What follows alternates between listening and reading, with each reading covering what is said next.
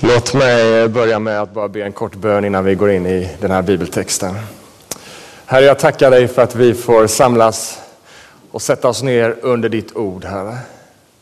Tack för ditt ord, Herre, som ger liv till var och en som hör och tar emot det, Herre.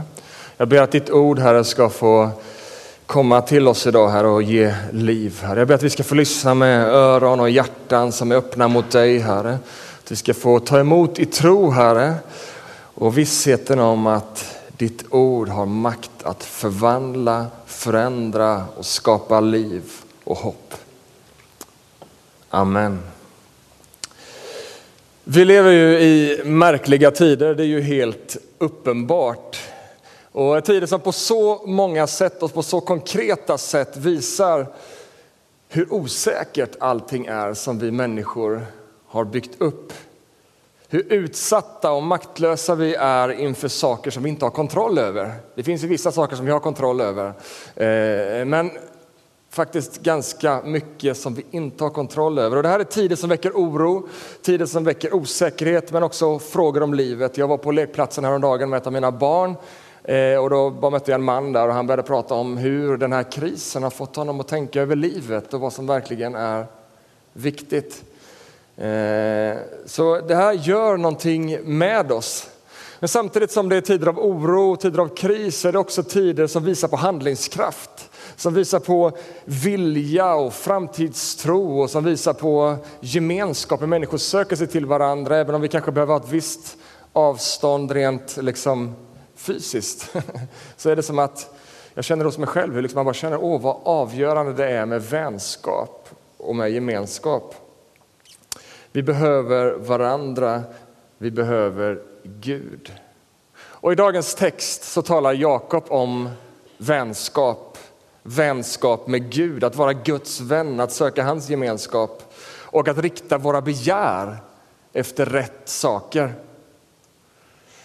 Och jag har faktiskt tänkt att vi ska bara dyka rätt in i texten. Idag är det nästan, det är nästan alltid bibelstudier när man kommer till centrum.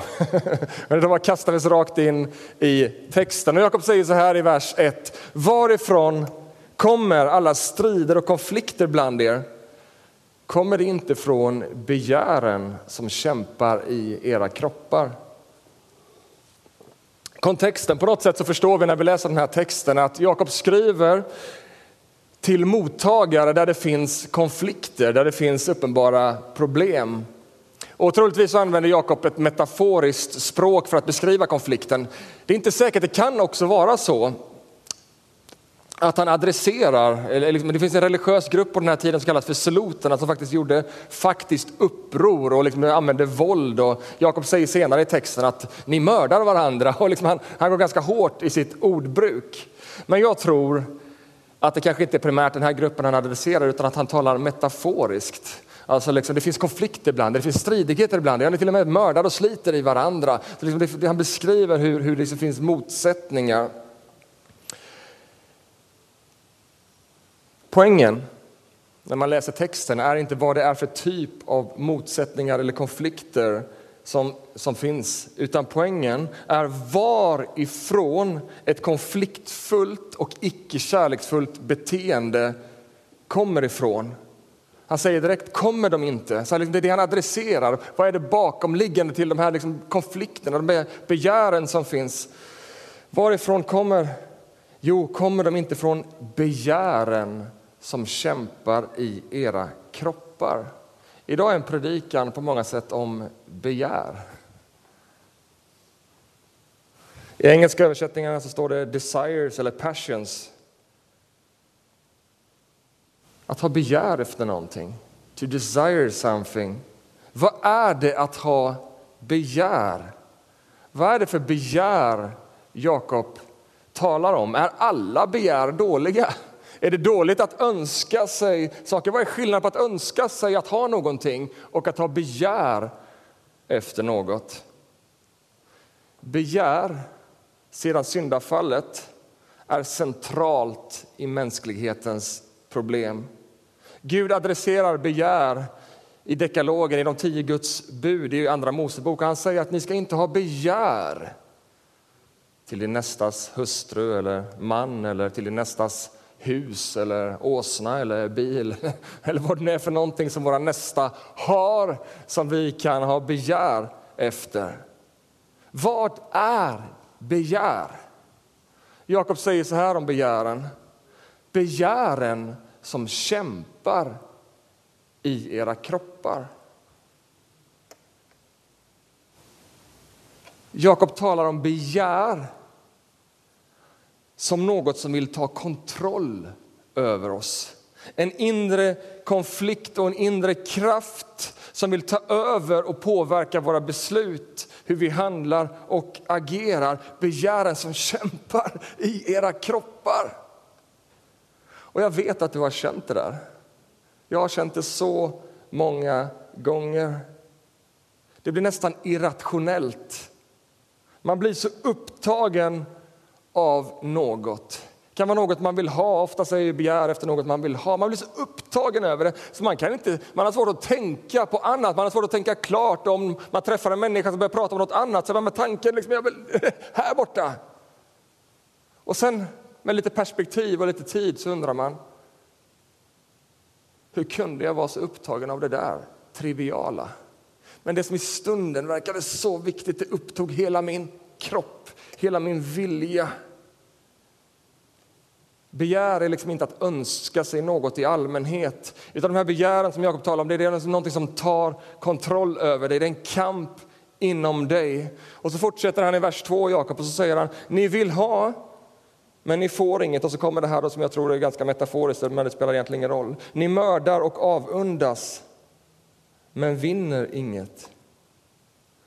Vad är det som vi så lätt lägger så mycket tid och fokus på, men som aldrig ger någonting? Jakob säger i texten, ni får inget, ni vinner inget. Och Joel sa det så briljant förra veckan, att det finns Oftast kan man hitta något positivt i alla sinnestillstånd, men det finns ett sinnestillstånd där vi inte kan hitta någonting positivt.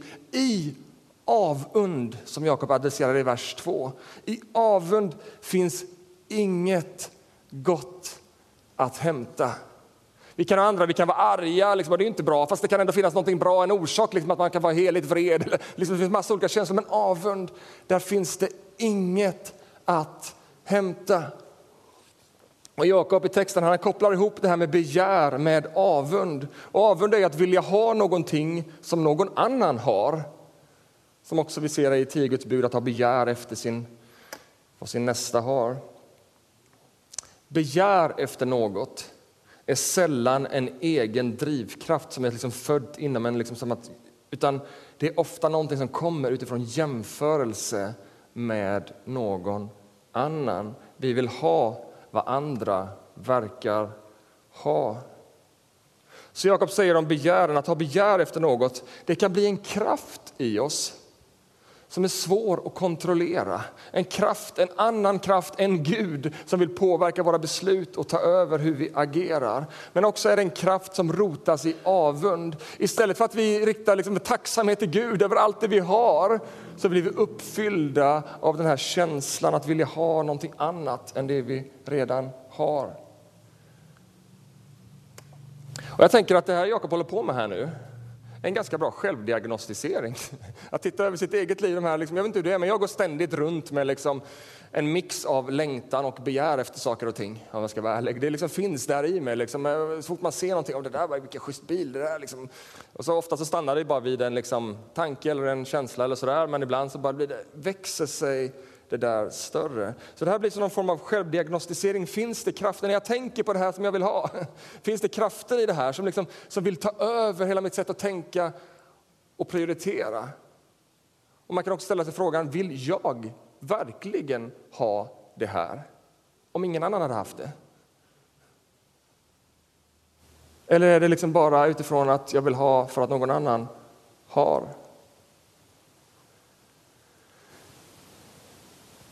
Jakob verkar tala om våra begär som en felriktad längtan.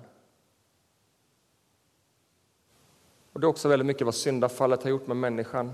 Syndafallet har felriktat oss, felriktat vår längtan. Vers 5 säger Eller tror ni att det är tomma ord när skriften säger svartsjukt längtar anden som han har låtit bo i oss? Och det här är ganska intressant. Kan Gud vara svartsjuk?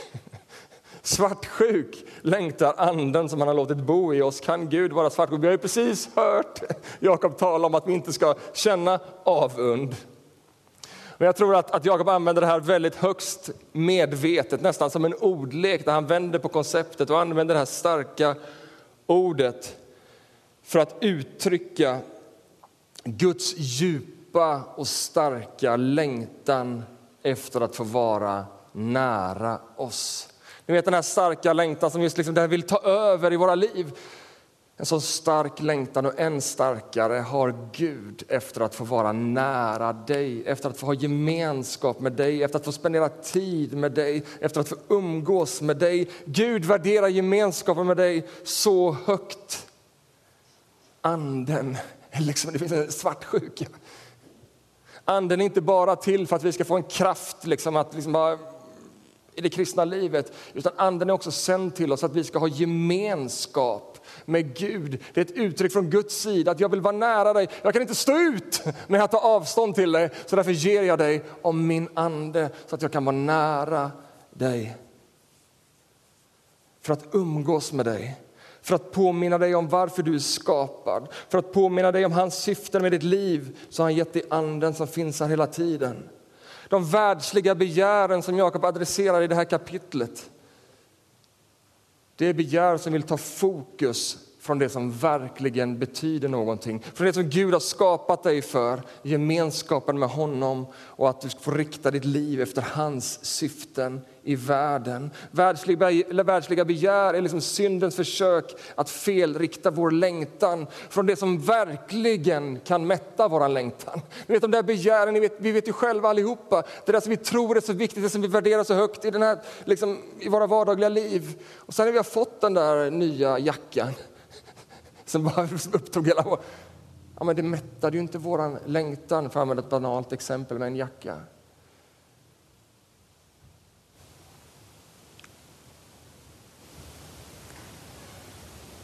När du känner att begäret efter saker och ting inom dig börjar växa sig osunt starkt, då kan du vara glad. För då kan du se det som en väckarklocka, som en påminnelse om att rikta din längtan åt rätt håll. Så när det där händer, och nu blir jag så upptagen, just det, det är en påminnelse om att jag var skapad för någonting mer. Jag var skapad för någonting annat. Jag var skapad för att leva i gemenskap med Gud själv. Så på ett sätt är det här egentligen att känna begär någonting positivt i denna tiden. För det är i botten och grunden en påminnelse om att du var skapad för gemenskap med Gud. Det enda som kan mätta vårt hjärtas längtan. Intim vänskap med Gud. Och Jakob fortsätter, ni kämpar och ni strider, men ni har inget därför att ni inte ber. Bönen är för många en oupptäckt skatt.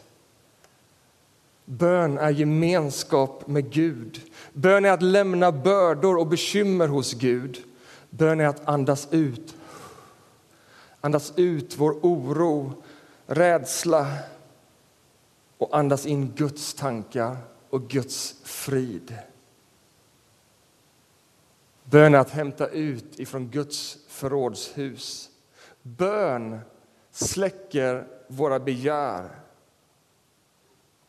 Jag har upptäckt det så många gånger. Livet snurrar på. Och man blir upptagen av så många saker. Men så man finner den där platsen av stillhet kanske lovsång eller bara enkel bön.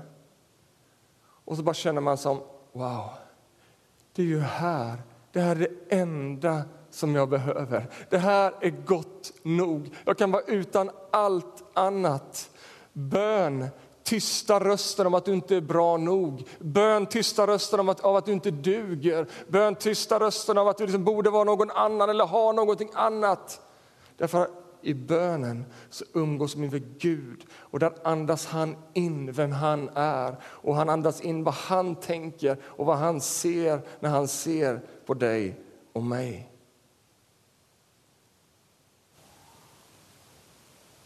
I vers 3 fortsätter han på samma tema, ni ber. Men ni får inget därför att ni ber illa. Alltså Jakob är ju inte så där liksom politiskt snäll och korrekt. Ni kanske har märkt att hela min predikan har varit här en enda rivstart och kastat ut i, i liksom så tuffa koncept och teman. Men det är lite så som Jakobsbrevet kommer till oss. Rakt upp och ner. Ni ber inte. Och när ni ber, vers 3, då får ni inget därför att ni ber illa. För att slösa bort det för era, på era njutningar. Det Jakob pratar om är att använda Gud som ett medel för att nå våra mål. Att bönen blir ett verktyg för att få det jag vill, för att mätta mina begär för, mina, för min njutnings skull. En bön som inte är ske din vilja, utan ske min vilja. Därför får ni inget när ni ber, säger Jakob. Varför? Jo, därför att ni ber ske min vilja. För att slösa bort det på era njutningar. Det här vill jag ha, Gud. Det här, vill jag, det här, vore, det här vore bekvämt. Det här vore bra, Gud. Och det, vi ska uttrycka våra önskningar inför Gud, det är inte det. Men det finns någonting av att hitta någonting djupare i bönen än att bara komma liksom, och presentera allt jag vill ha. Det finns någonting av vänskap och gemenskap med Gud som vi ska komma in på. Och Det här sättet att be som Jakob beskriver här, som inte ger några resultat, det står liksom i, i, i, grov kontrast till vad Johannes säger i sitt första brev, i första Johannes 5, kapitel, 14 till, kapitel 5, vers 14 till 5, 15. Och den tilliten har vi till honom, att om vi ber om något efter hans vilja, så hör han oss. Och om vi vet att han hör oss vad vi än ber om, då vet vi också att vi redan har det vi bett honom om. Om vi ber efter något efter hans vilja. Johannes visar på ett annat sätt att be, rotat i inte våra egna begär utan i en längtan efter att Guds vilja ska få ske. Att vi genom ordet formas efter Guds vilja att vi låter den helige Ande leda oss så att vår bön allt mer reflekterar Guds hjärta för oss, men också för världen.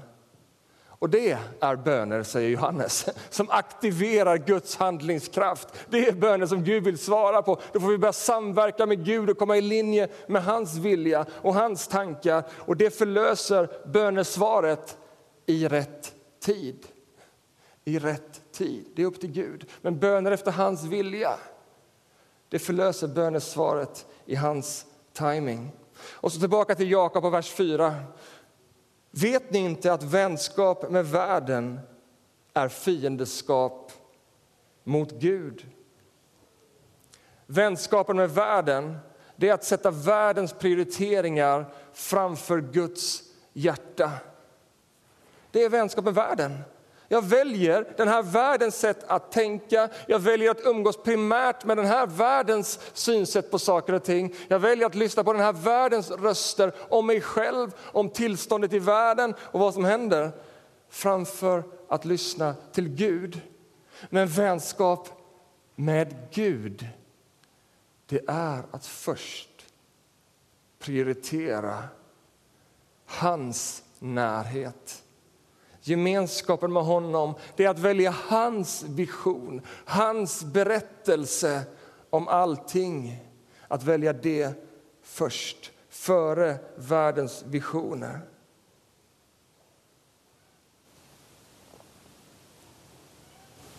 Då blir vår bön, som han precis har talat om, då blir det samtal med en vän. Jag vet inte hur du ser på bön. Det finns så mycket att säga om bön. Men det finns en dimension av att samtala med en vän.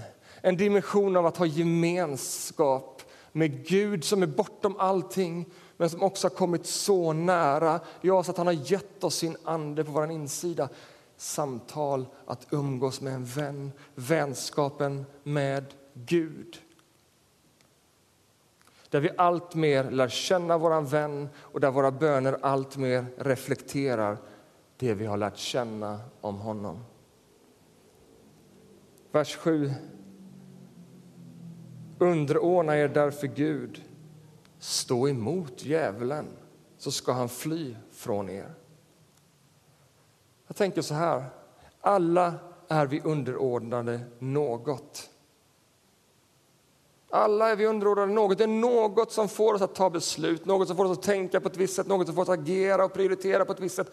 Alla är vi underordnade något. Så det här med att underordna sig Gud det är liksom inget så negativt, att ska underordna med honom. Nej, det är att välja att underordna sig det som är bäst för våra liv. Att välja att underordna han som har skapat himmel och jord, han som har skapat oss och han som vet bäst för oss. Att underordna sig honom och hans goda vision. Då har våra böner makt. Då har våra liv auktoritet. Då skingras mörkret. Då förändras atmosfären när vi kliver in i rummet. Då byts hopplöshet mot hopp. Då byts förtvivlan mot glädje. Och då säger Jakob, ja då får den onde om han står i vägen, då får han själv flytta på sig, maka på dig, för här kommer jag, jag är underordnad Gud, jag har liksom fått hans auktoritet, Helige ande bor i mig och jag får kliva in och bara wow, bara leva det liv han har skapat oss att leva. Och då finns ingenting som kan stoppa oss, ingenting som kan hindra oss. När vi är Guds vänner när vi har underordnat oss hans tankar, hans planer. Och så fortsätter han i vers 10. Ödmjuka er inför Herren, så ska han vadå? Sänka dig?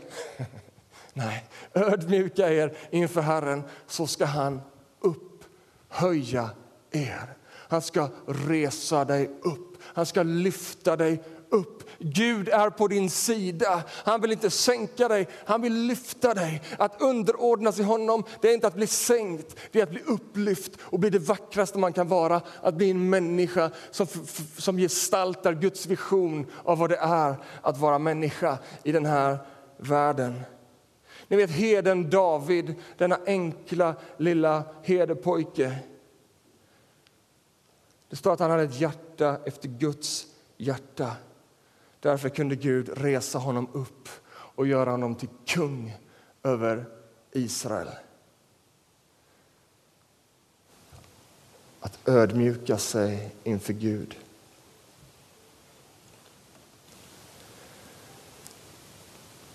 Vaccinet mot de begär som finns i världen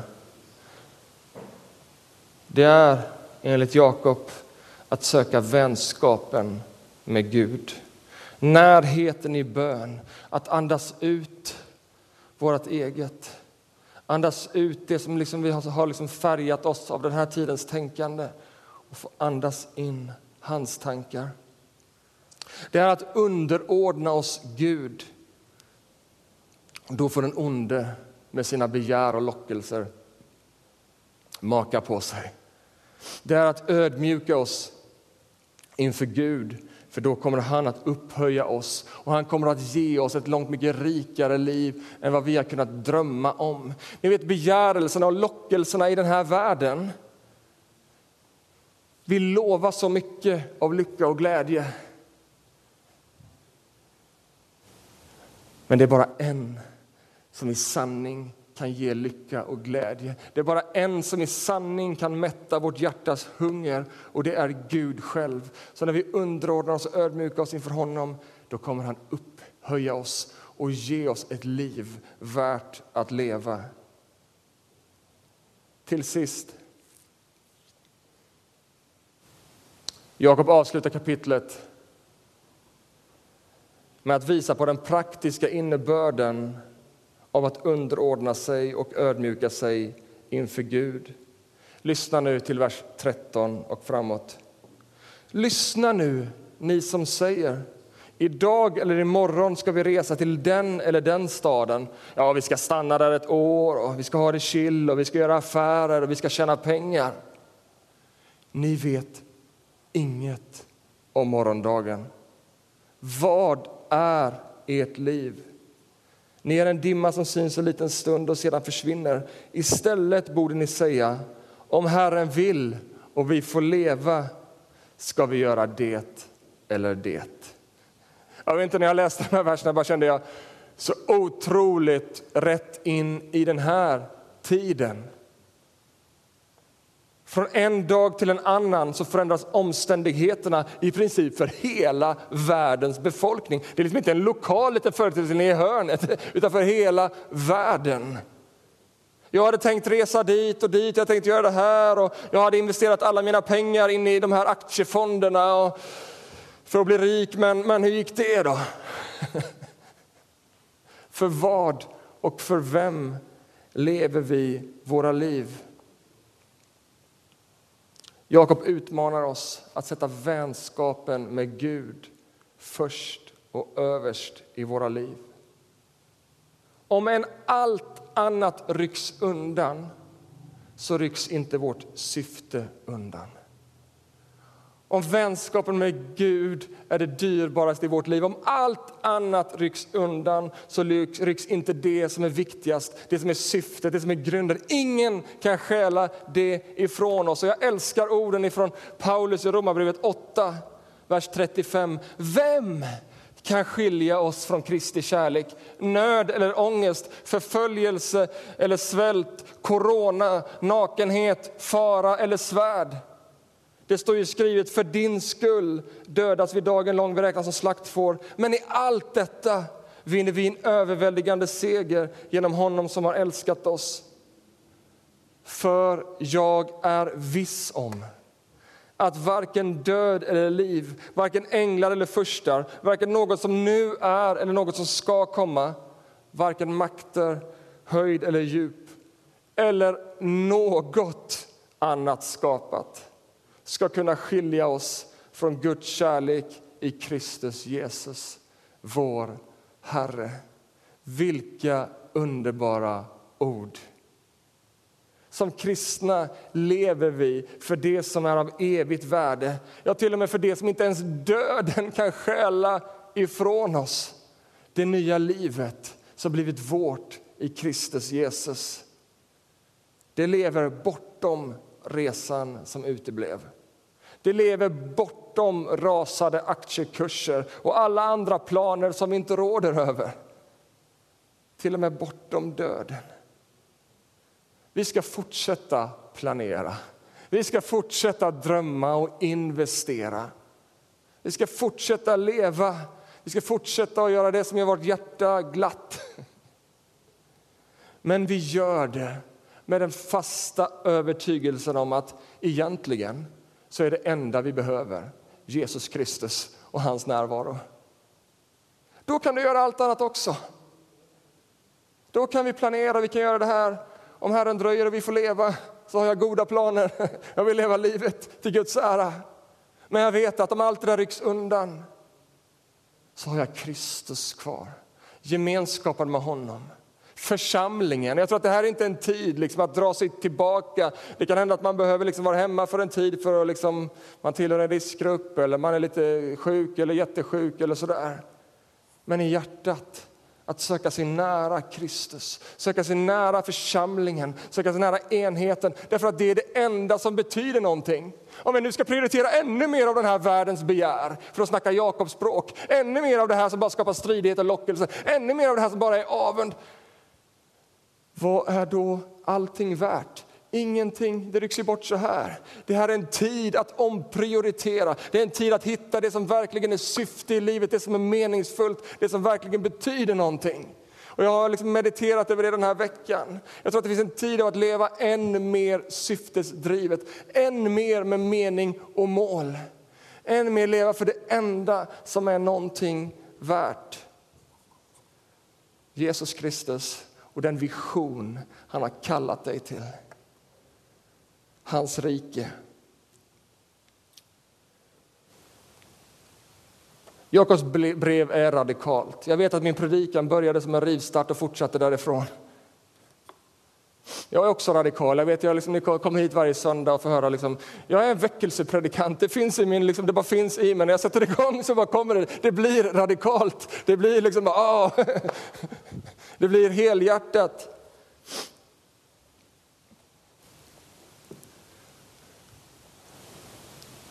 Men det som finns i mitt hjärta, det handlar inte om att vara radikal eller försöka vara extrem. Utan det är att få måla det mest dyrbara som finns i livet. Det som är rikast av allt, att följa Jesus. Så jag hoppas att du inte bara känner att liksom, ah, det bara, jag bara kommer och bara får liksom en käftsmäll varje gång. Nej, utan att det liksom bara finns en eld ifrån himlen som vill tända ditt hjärtas eld och låga för att leva helhjärtat för Kristus. Och jag tror att det är det Jakob gör. Hans brev är som Joel sa förra veckan, som ett sandpapper som liksom så här river till. Men det är för att forma, forma fram det vackra som Gud har tänkt. Så att vi får leva för det som verkligen är någonting värt. Han längtar efter gemenskap med dig. Jakob uttryckte det lite plumpt i orden att anden väntar svartsjukt. Han vill från djupet av sitt hjärta visa att Gud, han har inte bara gett dig den helige ande för att du ska få lite liksom rysningar på söndagar, utan för att vi ska kunna leva i intim gemenskap med Jesus på måndagar, tisdagar, onsdagar, torsdagar, hela veckan lång. Och i den här tid av covid-19 och corona så tror jag det är mer aktuellt än någonsin att följa Jesus med hela våra liv i den stad som vi älskar. Vi vet inte var det här tar vägen. Vi har ingen aning, men vi vet en sak. Att i allt får vi inte förlora fokus utan följa Jesus var hen det leder. Gud välsigne dig som lyssnat här idag, du som lyssnar där hemifrån. Gud välsigne också dig. Herre, jag tackar dig för att vi har fått sitta under ditt ord, Herre. Jag ber att det ska få beröra våra hjärtan på djupet och forma fram, Herre, det som du vill forma fram i våra liv, Herre. Tack att du är här med din helige Ande för att röra vid oss, Herre, för att tala till oss, Herre. Amen.